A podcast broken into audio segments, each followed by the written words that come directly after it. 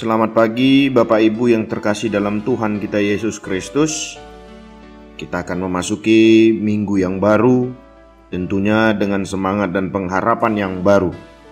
Oleh karena itu, kami mengajak kita untuk bersama merenungkan firman Tuhan yang tertulis di dalam kitab Yeremia pasal yang ke-29 ayat yang ke-11. Sebab aku ini mengetahui rancangan-rancangan apa yang ada padaku mengenai kamu. Demikianlah firman Tuhan, yaitu rancangan damai sejahtera dan bukan rancangan kecelakaan, untuk memberikan kepadamu hari depan yang penuh harapan. Demikian firman Tuhan. Langkah pasti dan penuh harapan.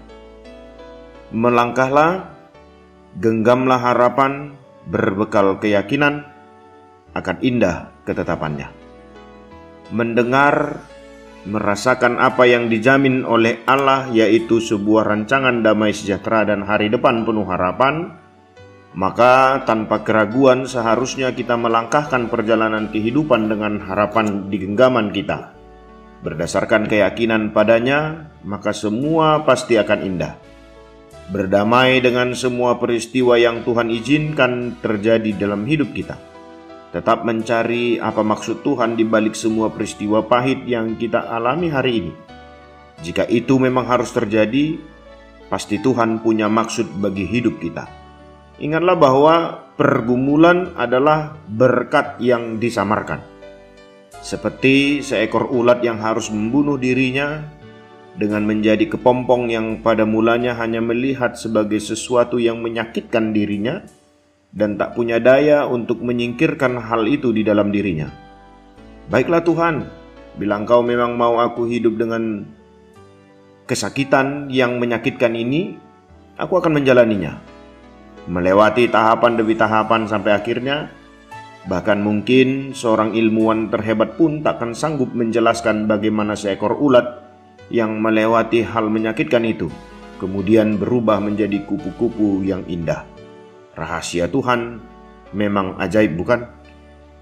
Seperti ketika umat Tuhan saat ditawan di pembuangan mengalami kehidupan yang tidak baik, diperlakukan sebagai budak, pekerja rodi, dan tawanan yang tidak memiliki hak seperti layaknya orang merdeka. Betapa keadaan itu pastinya sangat memprihatinkan bahkan sangat memilukan. Dalam keadaan itulah Allah memberikan janjinya bahwa suatu hari kelak umat pilihan Tuhan akan bebas dan mengalami hidup yang diberkati. Allah menjamin masa depan penuh harapan bagi umat pilihannya. Hal itu disampaikan oleh Nabi Yeremia dengan mengumandangkan bahwa Allah memberikan rancangan damai sejahtera dan bukan kecelakaan. Dengan mengerti kalimat ini, jelas dipahami bahwa Tuhan merancang hal yang baik bagi umatnya.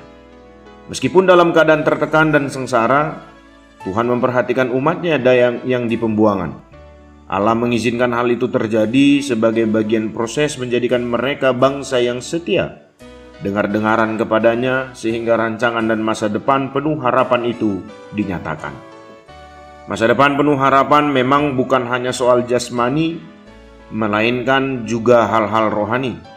Masa depan penuh harapan selalu tersedia bagi setiap kita, orang-orang yang percaya kepadanya, dengan syarat kita hidup sesuai dengan kehendak Tuhan, bersedia di proses Tuhan, serta memahami cara kerja Tuhan atas seluruh kehidupan kita. Damai sejahtera dan masa depan penuh harapan bukan lagi hanya soal jasmani, melainkan spiritual. Masa depan penuh harapan selalu tersedia bagi setiap orang-orang yang percaya kepadanya dengan kehendak Tuhan. Maka kita bersedia diproses dan memahami Tuhan memelihara kehidupan kita. Kembalilah kepada firman Allah, Tuhan memberkati.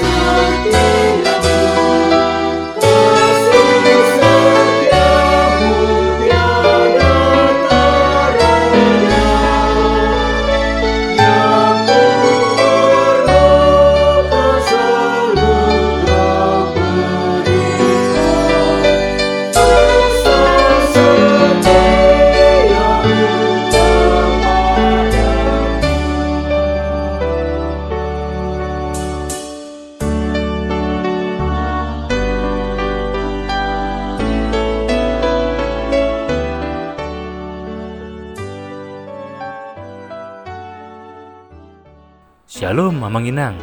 Terima kasih sudah mengawali hari dengan mendengarkan renungan hari ini.